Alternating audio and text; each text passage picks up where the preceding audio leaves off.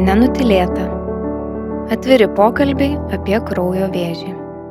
Sveiki, jūs klausotės tinklalaidės Nenutilėta. Atviri pokalbiai apie kraujo vėžį. Aš esu Aistė. Šioje tinklalaidėje vėžį išgyvenę žmonės dalinasi savo patirtimi, emociniais iššūkiais ir gyvenimo pokyčiais, lygos gydimo metu ir po jo. Čia išgirsite artimųjų pasakojimus apie tai, kaip vėžio diagnozė paveikia jų gyvenimą, pokalbių su gydytojais, psichologais ir kitais specialistais, kurie pateiks įvairių patarimų ir informacijos apie kraujo vėžį, gydimo galimybės, mytybą, fizinį aktyvumą, emocinę sveikatą ir kitus aktualius dalykus. Tai septintasis tinklalaidės nenutilėta epizodas ir šiandien aš aiškinsiuosi, ką apie savo teises turi žinoti pacientai.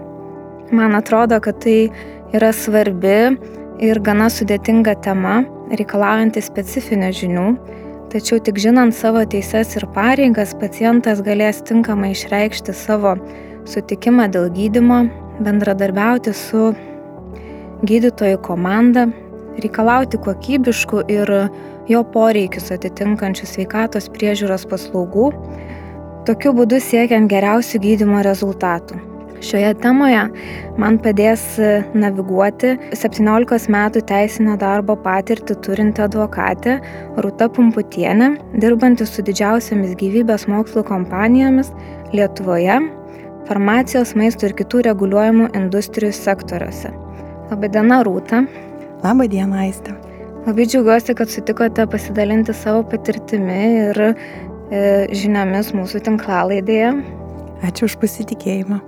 Ir tuomet pradėkime nuo to, kokie pagrindiniai teisės aktai užtikrina pacientų teises. Jų yra trys, jeigu taip labai apibendrinant, aišku, neskaitant daugelio um, smulkių įsakymų, bet pagrindiniai tai yra trys įstatymai. Pirmiausia, tai yra Lietuvos Respublikos konstitucija, jis yra pagrindinis mūsų šalies įstatymas ir pagal konstitucijos 53 straipsnį tai valstybė rūpinasi žmonių sveikata ir laiduoja medicinos pagalbą bei paslaugos žmogui susirgus. Tai čia yra pagrindas iš tikrųjų, kuris reiškia, kad mes esami, buvę ar būsimi pacientai esame garantuoti, kad valstybė iš tikrųjų mums laiduoja medicinos pagalbą. Čia pagrindinis dokumentas, tada žinoma yra ir civilinis kodeksas, kuris nustato, kaip turi būti teikiamos sveikatos priežiūros paslaugos, o turbūt aktualiausias um, mums žmonėms, pacientams, tai yra pacientų e, tiksliai pavar, įvardinsiu pacientų teisų ir žalos sveikatai atlyginimo įstatymas. Tai va šitie pagrindiniai teisės aktai, kuriuos galbūt mes turime nebūtinai žinoti, kad jie tokie yra, bet bet e, jeigu kada prireiktų ir, ir kiltų klausimas, tai kokiu pagrindu aš galiu kažko klausti, prašyti ir kas man priklauso, tai yra šitie trys dokumentai - Konstitucija, Civilinis kodeksas ir sutrumpintai pacientų teisų įstatymas. Mhm. Na ir jeigu taip atsitinka, kad pacientas patiria žalą ar ne, tai galbūt yra numatytos sąlygos, kurias turi atitikti žala, kad jinai būtų atlyginama pacientui. Taip, tai gal pirmiausia, prieš pradedant žalą, aš pasakysiu, kad um, pacientų teisų statymas um, garantuoja žmogui, pacientui, mums, žmonėms teisę į kokybišką sveikatos uh, priežiūrą, į kokybišką sveikatos priežiūros paslaugas. Į kokybiškos, aišku, tai reiškia prieinamos šio laikinės, atitinkančios šio laikinio mokslo patirtį ir, ir net ir jas viršiantis ir taip toliau. Bet žinoma, kad žmogus labai dažnu atveju susiduria su tokiamis situacijomis, kai jis galvoja, kad jam buvo suteikta paslauga nekokybiškai. Ir vienu atveju jis gali patirti žalą ir patiria, kitu atveju jis nebūtinai patiria tą tokią apčiuopiamą žalą, ne, ne, neturiu omeny netgi nematerialinės, be materialinės, bet kartais kartais jis pagalvoja, kad jo teisės buvo pažeistos. Tai jeigu mes dabar pa, palikime truputį nuo šaly teisų pažeidimą, bet kalbėtumėm ta, tuo, apie tuos atvejus, kai yra um, patiriama žala, tai taip, žalą patyrus žmogus, pacientas turi teisę į jo atlyginimą. Vienas geras momentas man kaip teisininkai dirbančiai daugiau nei 17 metų šitoje srityje, tai yra visai neseniai, 20 metais įsigaliojęs toks vadinamas žalos be kalties modelis Lietuvoje, kuris reiškia, kad pacientams atlyginama žala nesvarstant ir nenagrinėjant, kas buvo kaltas, dėl ko buvo kaltas, kas konkrečiai buvo padaryta, bet tiesiog yra žala ir jinai yra atlyginama. Išskyrus, aišku, atvejus, jeigu tai yra neišvengiama žala. Neišvengiama žala yra traktuojama tada, kai Pavyzdžiui, tai yra lygos ar sveikatos sutrikimo, kurio pacientas sirgo iki žalos atsiradimo pasiekmė ar komplikacija, arba tai yra lyga ar sveikatos sutrikimas atsiradęs dėl paciento individualių savybių, arba tai yra lyga ar sveikatos sutrikimas atsiradęs dėl vaistinių preparatų. Nu, kitaip tariant, nebereikia sakyti ir ieškoti kaltų, ar gydytojas netaip kažką susiuvo, ne, ne, ne ten kažką diagnozavo, ne laiku ir panašiai, tu turi žalą ir jeigu ta žala atsirado dėl to, dėl ko tu kreipėsi į įstaigą, tau jinai yra atlyginama, yra nustatyti tam tikri kriterijai. Um, e, žalos apskaičiavimo, bet jinai yra atlyginama ir, ne, ir nebe, nebežiūrima e, kalties veiksmų ir panašiai. Iki 20 metų, 2020 metų buvo pacientams labai sunku, nes jie norėdami e, gauti žalos atlyginimą, jie turėjo iš tikrųjų pasitelkti, kaip sakyt, ir teisininkus, ir, ir laiką, ir, ir, ir, kaip sakyti, tai yra ir išlaidos, nes, nes reikėdavo ieškoti pačiam nuspręsti tai, kas buvo blogai padaryta. Dabar pacientui pačiam nei spręsti, nei ieškoti nereikia, jis tiesiog Europą pateikia duomenis, kad jis patyrė žalą ir jeigu tai yra neišvengiama žala, jis gauna atlyginimą. Tai mano manimu, čia yra labai geras postumis pacientų teisų užtikrinimo linkme. Šitas modelis, taip vadinamas žalos be kalties, kai neieškoma kaltų, jis yra tikrai Lietuva ne pirmoji, gal viena paskutiniųjų, kurie įsivedė šitą modelį. Pasaulyje ir Europoje jis jau buvo seniai įvestas ir čia yra su tikslu padaryta, kad palengvinti pacientams jų teisų gynimą. Mhm. Tai dar norėtųsi grįžti prie to, ką jūs pradžioje šiek tiek užsiminėt, kaip ir sakėt, dažnai būna, jog pacientas galvoja, kad jam buvo suteiktos nekokybiškos paslaugos, bet sakykime, to žalos kaip ir nėra, ar ne? Tai čia galbūt tik trumpai, nes dar klausimų turiu daug, bet ką, ką tokiais atvejais gali daryti pacientas, koks tas kelias būtų? Taip, iš tiesų mes kalbėjom, kaip ir sakėm, yra du tokie momentai, du blokai yra, kai žala ir kai yra šiaip teisės pažeistos nepatyrus žalos. Ir dažniausiai tos teisės pažeistos yra susijusios su teisė į kokybiškas paslaugas.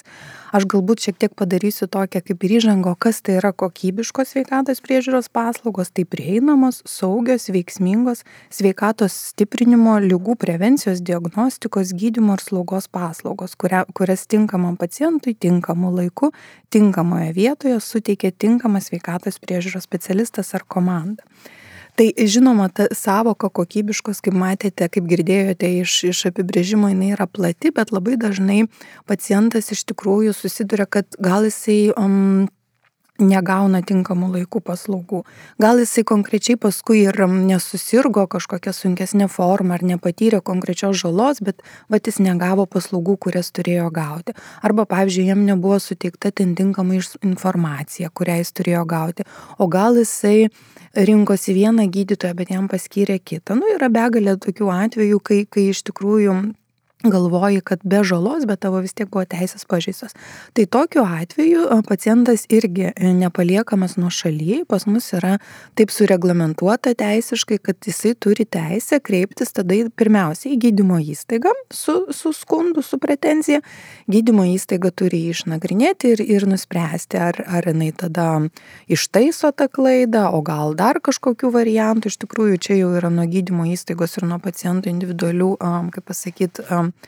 Savybių priklauso, kaip sprendžiamas šitas klausimas, o jeigu gydymo įstaiga arba neatsako į pretenziją, arba neištaiso tos klaidos, kuri paciento manimu buvo padaryta, tada pacientas turi teisę kreiptis į valstybinę akreditavimo sveikatos priežiūros veiklai tarnybą. Ir tada ta tarnyba svarsto, ar buvo laikytasi visų reikalavimų paslaugos teikime, ar įstaiga ten tinkamai sertifikuota, ar viską turi, ar nebuvo ten pažeisti visokie kokybės standartai ir panašiai. Ir jeigu nusprendžia, kad taip, tai tada aišku taikomos atitinkamos, kaip sakyt, pasiekmes, ar, ar ten nuobaudos, ar baudos ar įpareigojimai ištaisyti ir panašiai. Tai va, yra tokie du blokai, ką pacientas gali daryti, tai jeigu žalą patiria, jis keliauja į specialią komisiją ir, ir, ir, ir jis tenai tada jau tikisi tos žalos priteisimo, o jeigu nėra žalos, bet vis tiek mano, kad kažkas negerai, jis keliauja į įstaigą ir akreditavimo tarnybą. Tačiau aš čia noriu pasakyti, kad Tai e, teisės pažeidimas, tai vėlgi jis yra toks kaip ir pakankamai subjektivus. E, dar yra didžiulė, didžiulė, kaip pasakyti, spraga arba aspektas, kuris dėje nelabai taip aiškiai e, sureglamentuotas, tai yra O kas, jeigu aš negaunu gydimo, nors man lyg ir gydytojai, gydymo įstaiga viską daro, bet aš negaunu gydimo dėl to, kad valstybė, pavyzdžiui, jo neturi nusipirkusi, jo nekompensuoja man arba ne, ne, ne, nesudaro galimybių prie jo prieiti. Tai čia yra dar kitas atskiras blokas ir, ir, ir irgi labai, kaip sakyt, aktualus pacientams, aš manau. Tai mes apie tą atskirą mhm. bloką dar tikrai pakalbėsim. E, tuomet grįžtu prie žalos. Jūs e, paminėjote, ką turi daryti ir kur kreiptis pacientas. Ir tada klausimas, ar patyrus žalą gali kreiptis tik pacientas ar ir jo artimieji ir tada kokie tie artimieji, jeigu jie gali kreiptis? Patyrus žalą turi kreiptis pacientas, jeigu jisai gali, jeigu jis tai nėra vaikas, jeigu tai yra suaugęs ar, ir, ir jeigu jis, kaip sakyt, vis dar yra, kad ir kaip skambėtų tai um, graudžiai. Jo artimieji gali kreiptis tik tokiu atveju, jeigu jau paciento nebėra, dėja jau jis yra miręs, tada taip iš tikrųjų turi teisę kreiptis dėl žalos atlyginimo, įskaitant ir mirties atveju jo artimieji ar sutoktiniai, o jei nėra sutoktinio, tai tada vaikai ir kiti artimi giminaičiai yra vėlgi tam, tam tikri reikalavimai, tarp kitko jie yra visi surašyti labai aiškiai ir struktūrizuotai sveikatos apsaugos ministerijos puslapyje, ten net yra pateikta ir forma, kaip, kaip, kaip tos dokumentus pateikti ir panašiai. Bet šiaip tai iš principo turi kreiptis pats pacientas, jeigu, jeigu jis yra nu, suaugęs, turintis 18 metų ir jeigu jis yra, jeigu jis nemiręs. O visais, tik tai jeigu jo nėra, tada kreipiasi artimieji, išskyrus nebent vaikai, tai tada kreipiasi tėvai vaikų vardu. Mhm. O ar yra išimčių, kuomet pacientų teisų ir žalos atlyginimo įstatymas neapima padarytos žalos sveikatai? Taip, neapima tas įstatymas, pacientų teisų įstatymas, jis neapima to, tos žalos, kur aš minėjau nuo pat pradžių, jeigu jinai vadinama yra neišvengiama žala. Žalos komisija ir pats įstatymas aiškiai sako, kad jeigu buvo neišvengiama žala, jos niekas dėje neatlygins. Ir prie neišvengiama žalos aš esu minėjusi. Nu, pavyzdžiui, tarkim, jūs ateinate gydytis, nežinau, um, nu, tarkim, um, plaučių vėžį, Bet a, jūs turėjote, nežinau, kokią nors, nu čia taip labai paprastai pasakysiu, tarkim, um, sulaužytą koją. Ne? Ir pavyzdžiui, jums paskui ten tos ta koja sulaužyta buvo negydyta ir gal ten užpuliavo ar panašiai ir paskui ją reikia amputuoti.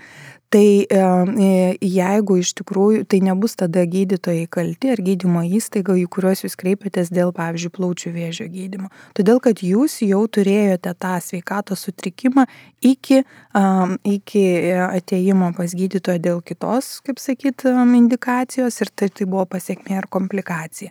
Žinoma, aišku, gydytojai, čia aš galbūt tas mano pavyzdys toks labai, kaip sakyt, netinkamas, nes gydytojai visą laiką pamato ir nukreipia.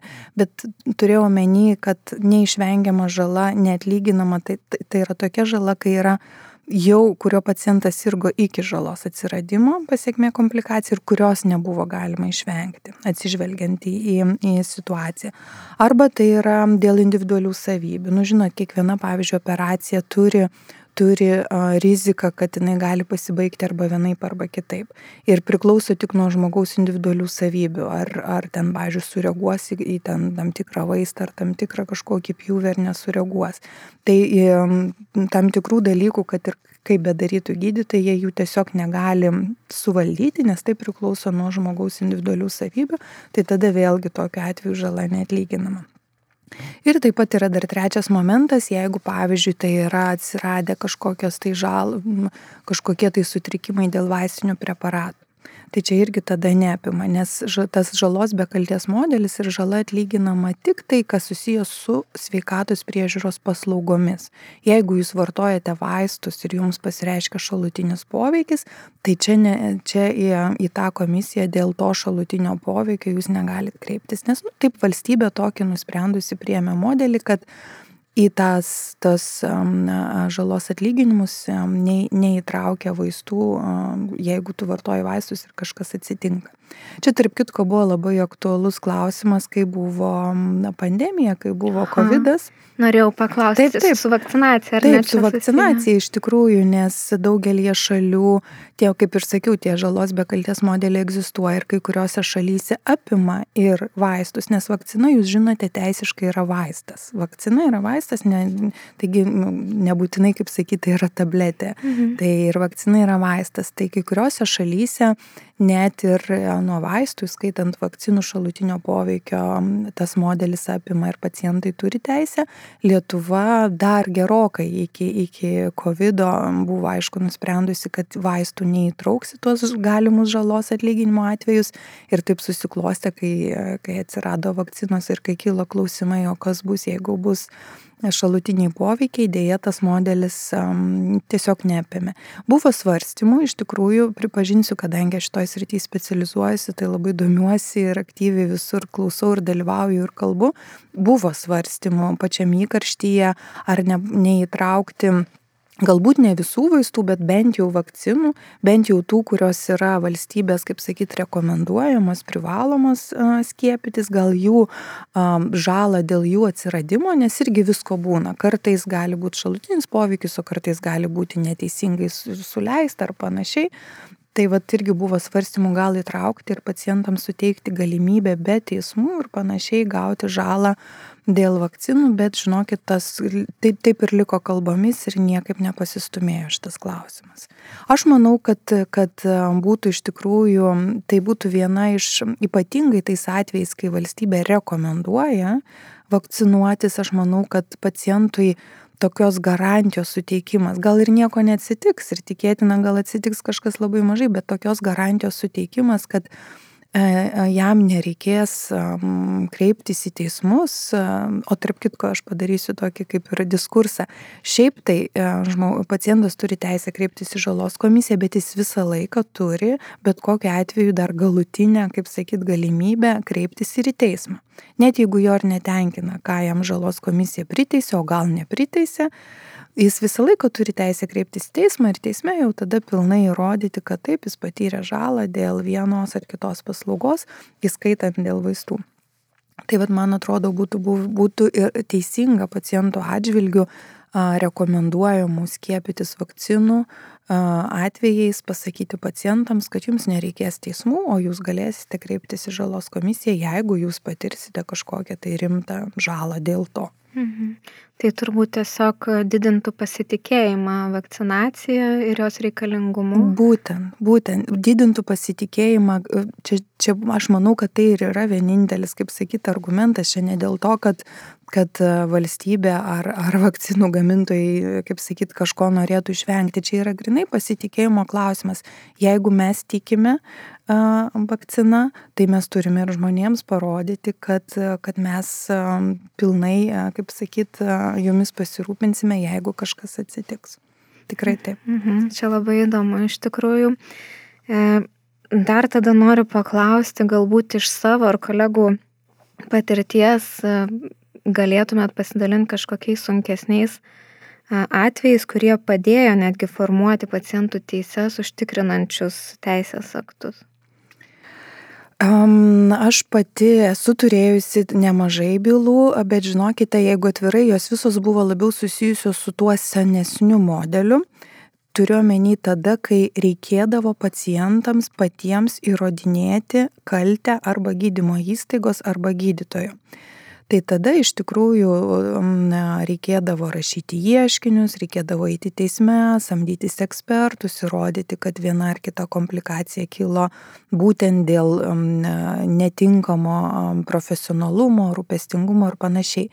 Bet po 2020 metų įvedus žalos be kalties modelį, tokių, kaip sakyt, bylų ar teismų praktikos konkrečiai, kas liečia netinkamai suteiktas paslaugas, kai atsiranda žala, labai labai sumažėjo ir aš šiaip labai tuo džiaugiuosi, todėl kad pacientai iš tikrųjų daug paprasčiau gali tiesiog pateikti dokumentą ar išrašą, kuris gydėsi, kas jam atsitiko, kiek jis ten ar papildomai išleido, ar, papi, ar papildomai negalėjo dirbti ir jam tada žalos komisija viską už jį nusprendžia. Jam nereikia, kaip sakyt, samdytis teisininkų ir rodinėti ir, ir, ir iš tikrųjų nupraeiti labai labai sudėtingą tiek emociškai, tiek laiko prasme, tiek išlaidų prasme kelią. Bet aš galiu pasidalinti, jeigu klausytojams būtų įdomu, europinę patirtim. Mhm. Iš tikrųjų žinau, kad įvairiose šalyse pacientai skundžiasi ir, ir bilinėjasi ir įvairių tų yra, kaip sakyt, praktikų ir naujienų, bet tikrai žinau, kad vienas, pavyzdžiui, iš tokių įdomesnių atvejų yra kai vienas Rumu, Rumunijos pacientas, iš tikrųjų jisai buvo netgi jau praėjęs visus kryžiaus kelius ir visus teismus vietos Rumunijoje yra laimėjęs, kad jam paskirtų reikiamą vaistą. Nežinau iš tikrųjų Rumunijos ten sistemos, kaip ten buvo, kad jam reikėjo teisme prašyti jam reikiamą vaisto, bet jisai buvo, teismai jam buvo nurodę, kad tau priklauso, bet įstaigos, aš taip suprantu, galbūt ten ar vietinė sveikatos ministerija, ar taip vadinama ligonių kasa, vis tiek jam to vaisto ne, ne, nedavė, piktybiškai, biurokratiškai nedavė. Tada jisai kreipėsi į Europos žmogaus teisų teismą ir jisai pasakė, kad, kad tai yra mano teisės tinkamo nemokama gydimo pažeidimas, nors ir Europos žmogaus teisų konvencija ir nereglamentuoja, reglamentuoja tik teisę į gyvybę, bet vis tiek jisai pasakė, kad tai mano tinkamos teisės neužtikrinimas ir iš tikrųjų teismas pasakė, kad tai yra pažeidimas, kad Rumunijos valdžios institucijos nesuteikė pareiškėjų konkrečių vaistų, tarp kitko ten buvo vežys konkrečių vaistų nuo vėžio, kurio jam reikėjo remiantis teismų sprendimais ir tada vat, jisai sugrįžo jau su europiniu sprendimu ir tada jau valdžios institucijos nusileido. Bet vėlgi, ką tai rodo šita, šita byla ir va, gal čia tokia, toks minčių šuolis, iš karto mes pereinam prie tų europinių bilinėjimosi galimybių, tai rodo, kad pirmiausia pacientai turi iš, išnaudoti tas visas teisinės galimybės e, vietoje, tai yra savo šalyje ir tik tada jisai gali kreiptis į Europos žmogaus teisų teismą.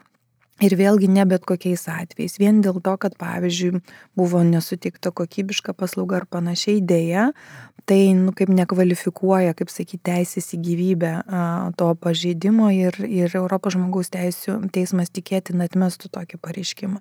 Tai turi būti labai rimtas, rimtas susijęs su gyvybė, gyvenimu um, klausimas ir, ir reikia būti išnaudojus visus, kaip sakyt, teismo instancijas ir procesus Lietuvoje, kad tada galėtum uh, sakyti, kad man Lietuva šalis mano neužtikrina ir aš tada prašau Europos, žmog, Europos žmogaus teisų teismo pagalbos.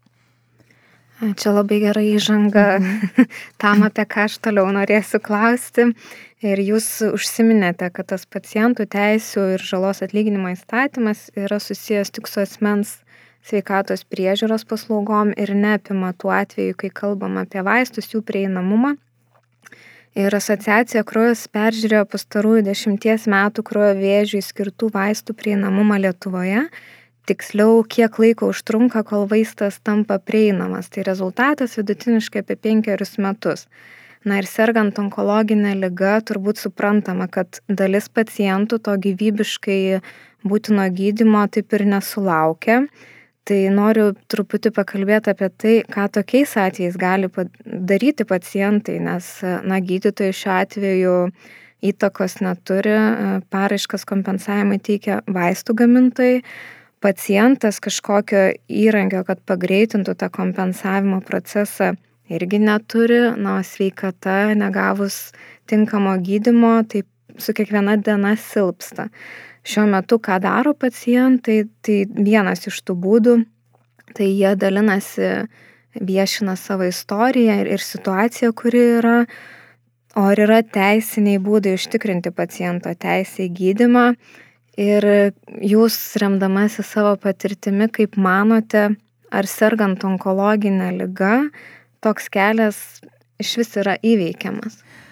Iš tikrųjų, tai man šita labai, kaip sakyt, skaudi tema, nors aš nesu pacientė, bet galbūt būsiu, o galbūt mano artimieji buvo ir yra, e, nes aš žinau, kokia sergančiam ypatinga onkologinė lyga vėžių svarbi kiekviena diena.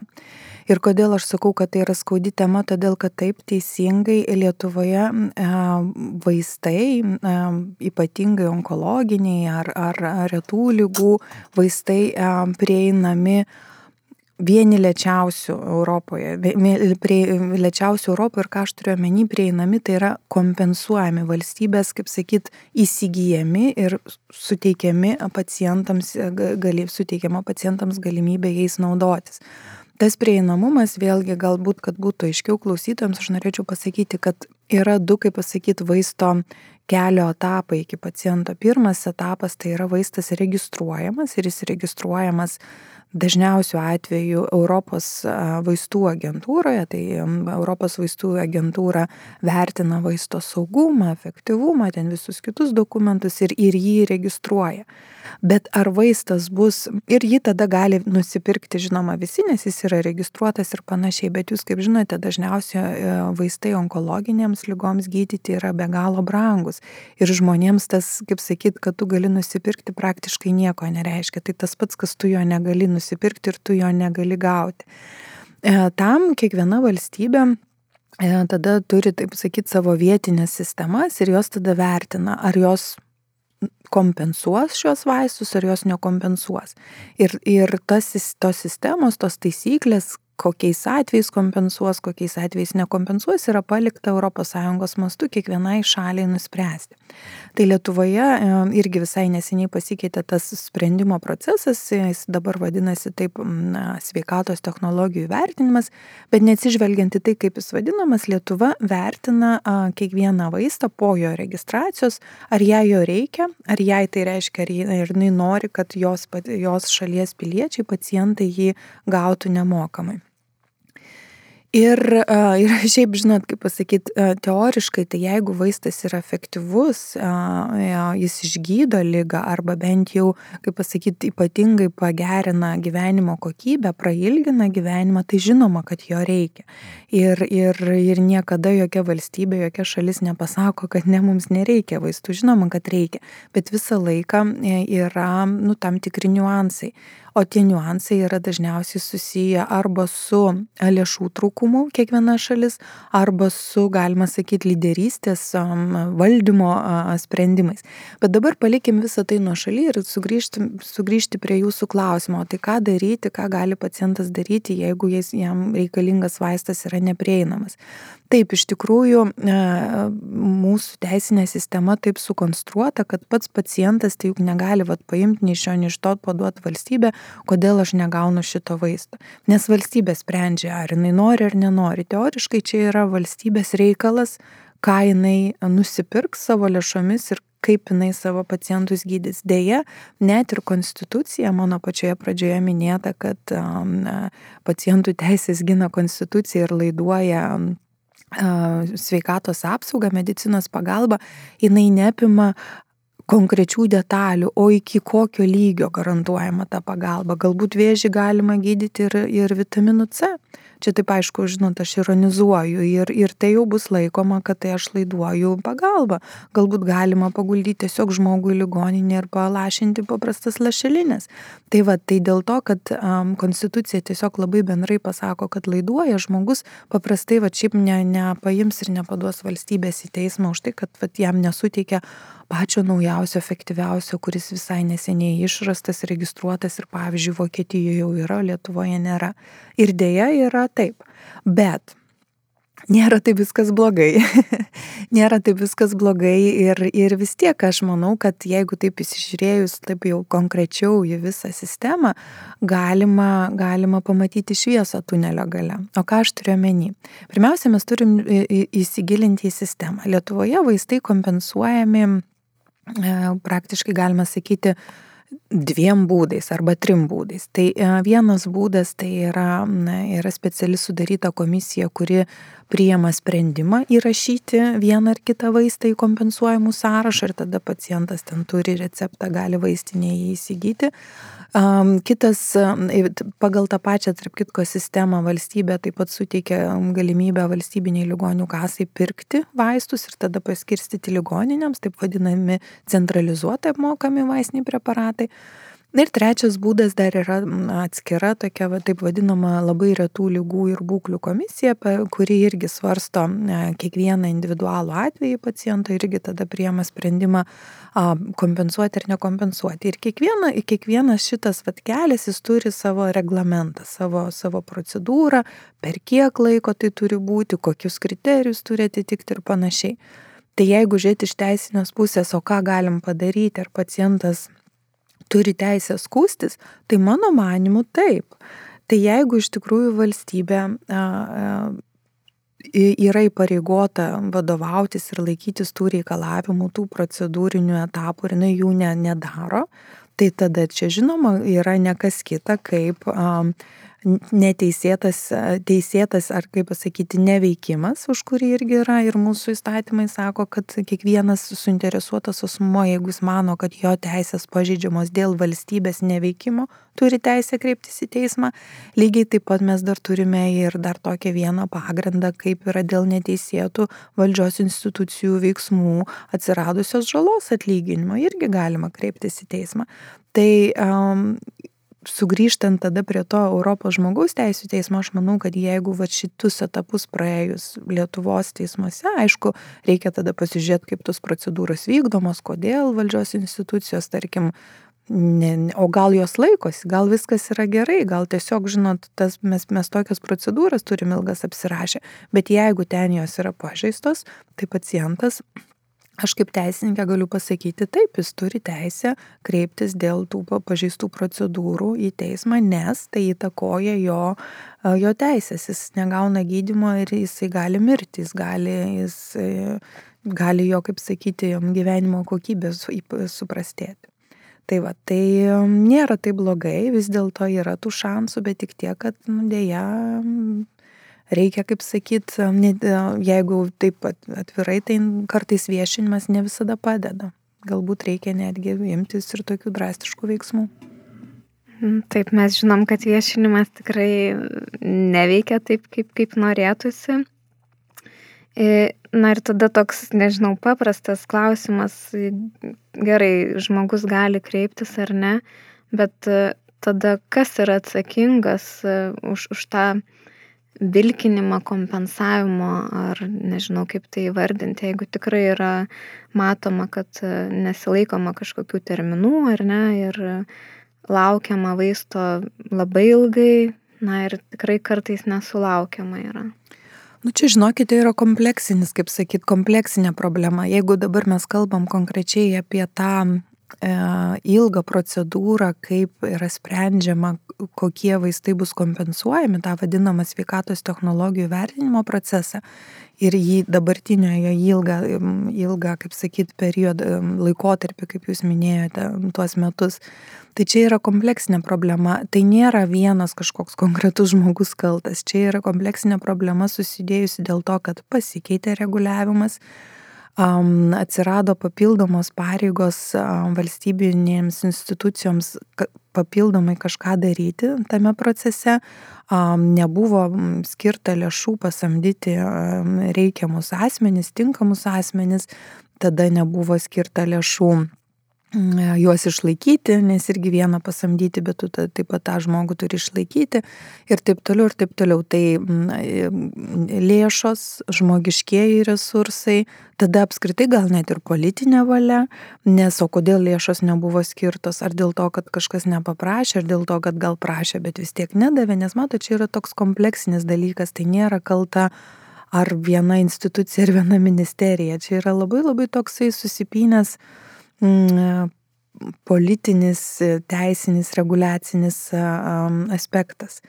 Bet šiaip, jeigu kalbant, sugrįžtant prie to, kur aš sakau, kad žinoma yra teisinių priemonių, nu, tai, tai čia jau yra, žinokite, technikos dalykas, labai priklauso nuo situacijos. Vat aš dar norėjau pasidalinti irgi vieną, Lietuvoje retas buvo atvejs, bet buvo viena byla, kai iš tikrųjų e, pacientės artimieji pacientės vardu kreipėsi į teismą, ten labiau buvo susijęs su retų būklių ir lygų komisijos sprendimu, nes buvo nuspręsta nekompensuoti reikiamą vaistą ir buvo kreiptas į teismą, teismas pasakė, kad čia yra komisijos kompetencija, ne teismo ir panašiai. Procedūros reguliavimai nebuvo pažeisti, ten vis tiek nenuleido rankų pacientės artimieji ir galiausiai teismas nusprendė, kad reikia kaip sakyt, priimti sprendimą, kompensuoti reikiamą vaistą tam tikram pacientui.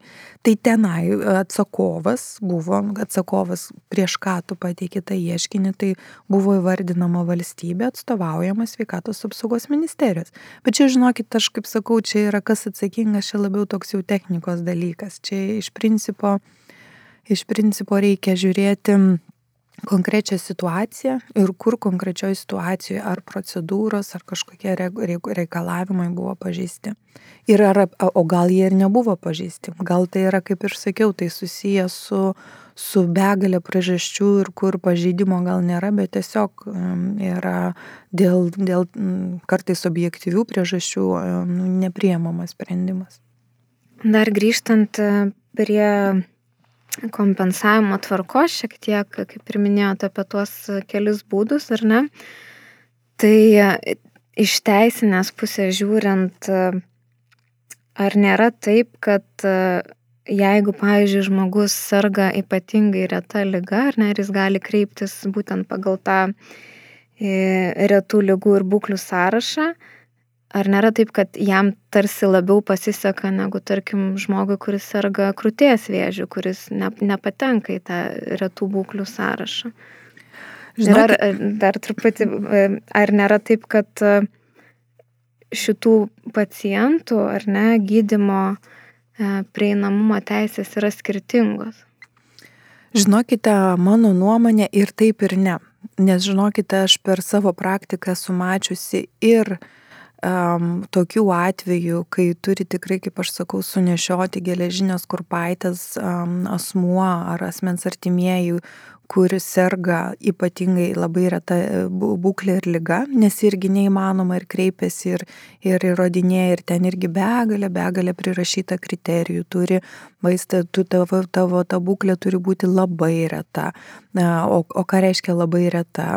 Ten vėlgi tada, ar mes įmame tada Lietuvos statistiką, ar mes įmam ten europinę statistiką, paskui turi būti vaistas ten atitikti terapinę naudą, paskui dar trečias kriterijus turi pakakti lėšų privalomo sveikatos draudimo fondo biudžete ir panašiai ir panašiai.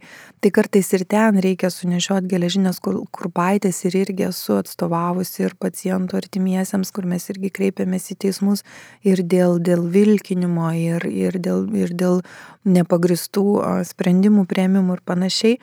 Bet kartais taip, ten procesas kartais iš tikrųjų gali būti greitesnis palyginus, jeigu tavo lyga ar būklė nėra reta ir, ir tau tiesiog reikia laukti to kito, kaip sakyt, standartinio proceso, kol tavo um, vaistas bus įrašytas į kompensuojamų sąrašo, tai reiškia, kol jis praeis visą tą sveikatos technologijų vertinimą, kuris šiai dienai, kaip jūs ir paminėjote, yra, yra be, be, be, be galo ilgas.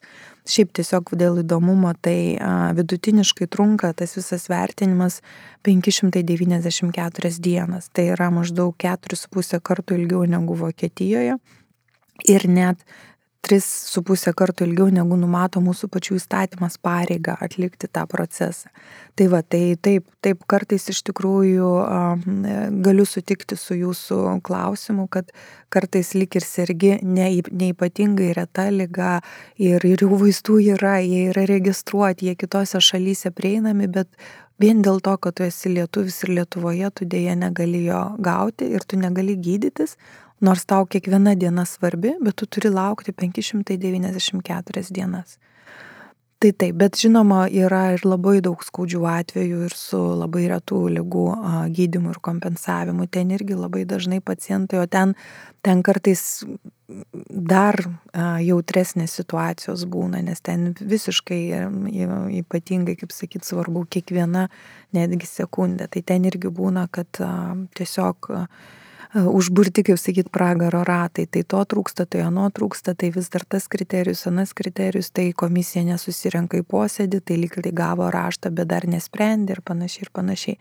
Tai mano atsakymas taip ir ne, nes ir vienu ir kitu atveju dėja yra daug labai blogų pavyzdžių mūsų sistemoje. Mhm. Ir kaip minėjot, kad yra atvejų, kai e, pacientai kreipiasi net į teismą, bet kaip suprantu, tai nėra dažni atvejai. Žinokit, jeigu nuoširdžiai, tai tas sėkmingas atvejis buvo po kol kas vienintelis.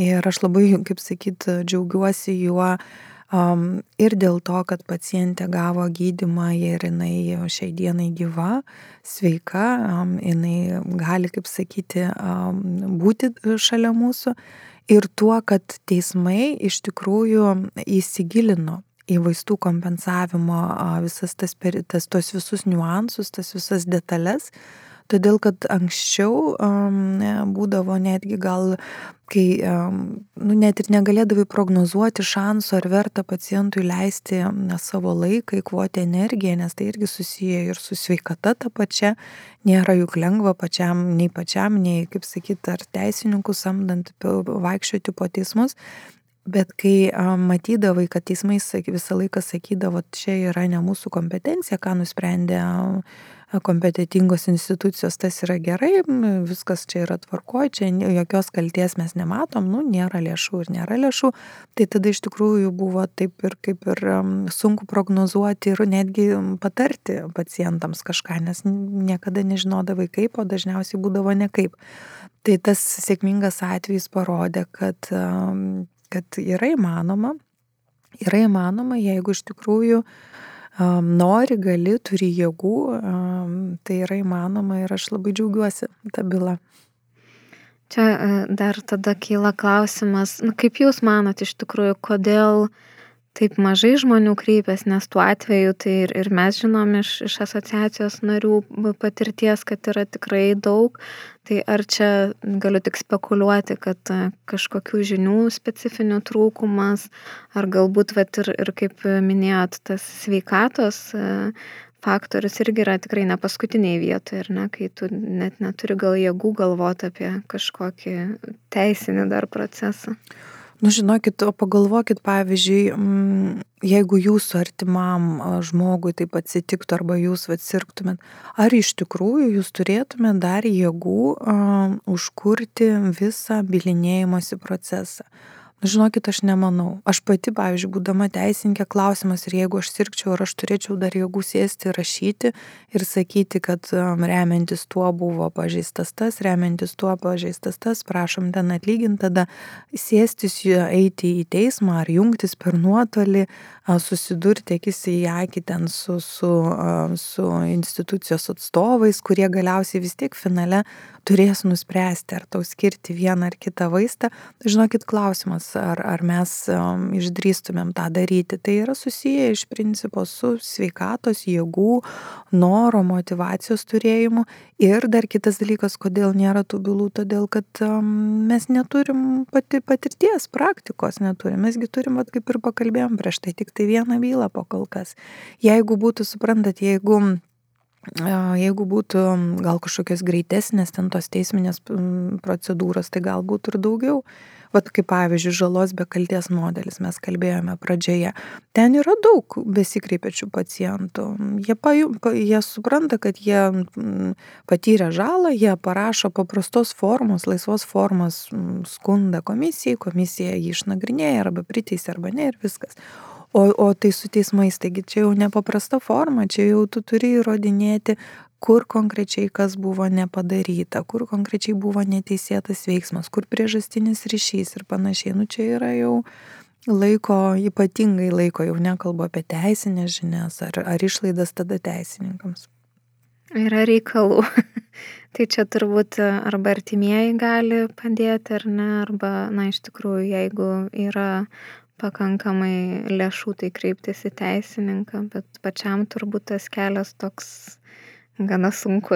Taip, bet mes mato, čia taip truputį gal ir jau pradėjom labai um, negatyviai, kaip sakyt, kalbėti, bet iš tikrųjų aš ką noriu pasakyti, tai teismai niekada, žinokite, ar tai būtų šitas rytis susijusi su paslaugomis, vaistų prieinamumu, ar tai būtų bet koks kitas teisinis ginčas, ten, pradedant, žinot, kokią ten žemės nuomą, ar, ar, ar, ar kažkokiu ten, žinot, pirkimų pardavimų, teismai niekada nėra lengvi. Tai, bet, bet gal reikia tikėtis, aišku, va, tas klausimo kelimas, rankų nenuleidimas. Aš visą laiką esu, na, nu, taigi nesunku iš tikrųjų paimti ar paskambinti ar parašyti, ja, pasakyti, žiūrėkit, ten atsiųstas prašymas, jūs turite išnagrinėti, gal galit pasakyti, kokia stadija, koks statusas. Nu, tiesiog aktyviai domėti savo atveju Galbūt kiekviena, vienas, kiekvienas pacientas už save jam ir sunku, ar, artimies, ar artimiesiems, bet tai tada yra draugijos, asociacijos ir panašiai. Ir, ir aktyviai domėtis, aktyviai kelti klausimą ir žiūrėti, kokios yra galimybės užsienyje rodyti. Tai um, ir, ir, ir, kaip sakyt, jau bent va čia būtų, aš nežinau, pavyzdžiui, jeigu aš susirgčiau, man pirmiausia iš tikrųjų būtų aktualu, o kokios yra galimybės. Nebūtinai Lietuvoje, bet kokios yra galimybės pasaulyje, galbūt Europoje, o tada pasižiūrėti, o kaip, kokios galimybės tai gauti Lietuvoje. Gal jau šiuo metu, pavyzdžiui, ten vienas ar kitas reikiamas vaistas jau bebaigdinėja paskutinę ten tą vertinimo stadiją ir tuoj bus įrašytas į, į kompensavimo sąrašus. Gal jis neįrašytas dėl įvairių kokiu nors nu, kad ir biurokratinių priežasčių, bet gal tada reikia pakelti klausimą. Gal net, gal net užtektų, žinot, kaip sakyti, tada tą savo teisę ginti ir įgyvendinti paprastesnių būdų ir nereikėtų tų teismų. O kartais galbūt, jeigu yra galimybių, yra artimieji stiprus, kas padeda, ne, nebijoti ir šitos galimybės iš tikrųjų paprašyti, kad šį klausimą išspręstų teismas, kaip vad nepabijojo vienos pacientės artimieji. Mhm. Ar galima apibendrinti kažkaip šitą mūsų antrą dalį, ar ne, ir kažkokius žingsnius nurodyti, ką pacientui daryti dėl to negaunamo gydymo? Jūs čia daug ką ir suminėjot, bet taip dar struktūruotai šiek tiek Tai jeigu paliekam nuo šaly šiaip žalos, ten ar teisų pažeidimą, kai mes kalbėjom komisijos ir ten įstaigos ir akreditavimo tarnybos, jeigu dabar dėl negaunamo gydimo, jeigu taip labai apibendrinant, tai pirmiausia reikėtų išsiaiškinti, kur tas, ne, jeigu jau mes prezumuojam, kad mes žinom, kad mums yra gydimas reikalingas tam tikras, kurio mes negaunam, mums reikėtų tada pirmiausia išsiaiškinti situaciją, tai kuris yra užstrigęs. Gal jisai yra užstrigęs dėl to, kad iš principo į Lietuvą jo tiesiog niekas netveža. A ne, tai tada reikia galbūt svarstyti, ar važiuoti į užsienį, gauti galimybę gydytis ar ne, ar gal yra alternatyvų. Jeigu jis yra užstrigęs tas negaunamas gydimas vertinimo etape, tam vadinamajam sveikatos technologijų vertinimo etape, irgi pacientai, bent jau pacientų organizacijos, jos yra dalis to vertinimo proceso, jos gali, nes tai yra vieša informacija, jos gali patikrinti, pažiūrėti, o kokia stadija to vertinimo ar, ar jau, jau jis vertinamas ir ten beliko tik priimti sprendimą, ar dar ten jau beliko tik tai vyk, vykdomos ten dėrybos tarp gamintojo ir valstybės, ar vis dar vertinama. Gal galima tada pasižiūrėti, ar dar jau suėjo tie vadinami statyminiai terminai ar nesuėjo. Jeigu suėjo, tai galbūt galima irgi klausti, rodyti, kiek tai yra svarbu, aktualu pacientui. Nu, pirmiausia, reikėtų, tai sakau, tai tas etapas išsiaiškinti, kokią stadiją. Tada trečias etapas - pagalvoti, o ką galima šitoje situacijoje padaryti. Ar, ar kažkiek palaukti ir galbūt tai yra, nežinau, Aš žinau, yra atvejų praktikoje, kai tam tikri pacientai ir, ir per tam tikrus fondus paramos ir panašiai pradžioje jau pradeda, aišku, žinodami, kada bus, ar, ar tiesiog su gydytoju kažkokias alternatyvas tada pasvarsto ir palaukia ir panašiai. Nu ir jau tada trečias, jeigu tai yra jau kažkokie tai matosi, nu, piktybiniai, ten tokie, jau žinot, kur ten metų metus nepakeliamas, kaip sakyti, dokumentas ar panašiai, ar dar kažką, nu, tai tada jau atitinkamai ir žiūrėti, pasitarus galbūt ir su, su gydytoju, ir, ir su, su atstovaujančia asociacija, ir galbūt ir teisininkais, ką galima šitoje situacijoje daryti. Tai Rūta, dėkoju Jums už pokalbį ir suteiktą tikrai aktualią ir vertingą informaciją. Ačiū visiems, kurie klausėte šio epizodo. Jeigu šis pokalbis Jums pasirodė įdomus, tai nepamirškit pasidalinti juos su kitais savo socialinėme tinkle. Nu, o kitame epizode, jau paskutinėme šiais metais, kalbėsime plačiau apie lėtinę limfoliaukemiją. Nepraleiskite. Tinklalaidė nenutilėtai gyvendina asociacija Kraujas, kuri vienyje kraujo lygomis sergančius ar sirgusius asmenis, jų artimuosius medicinos specialistus ir visus, kurie palaiko asociacijos veiklą. Šioje tinklalaidėje su įvairiais pašnekovais, nuo gydytojų, psichologų iki kraujo vėžių sergančių žmonių bei jų artimųjų, kalbamės, kaip ir sufleruoja pavadinimas, atvirai apie šią onkologinę ligą ir su ją susijusius aspektus. Daugiau informacijos tiek apie asociacijos kraujas veiklą, tiek visus uh, tinklalaidės epizodus galite rasti interneto puslapyje www.krujas.lt arba mūsų Facebook paskyroje krujas.lt. Iki kito karto.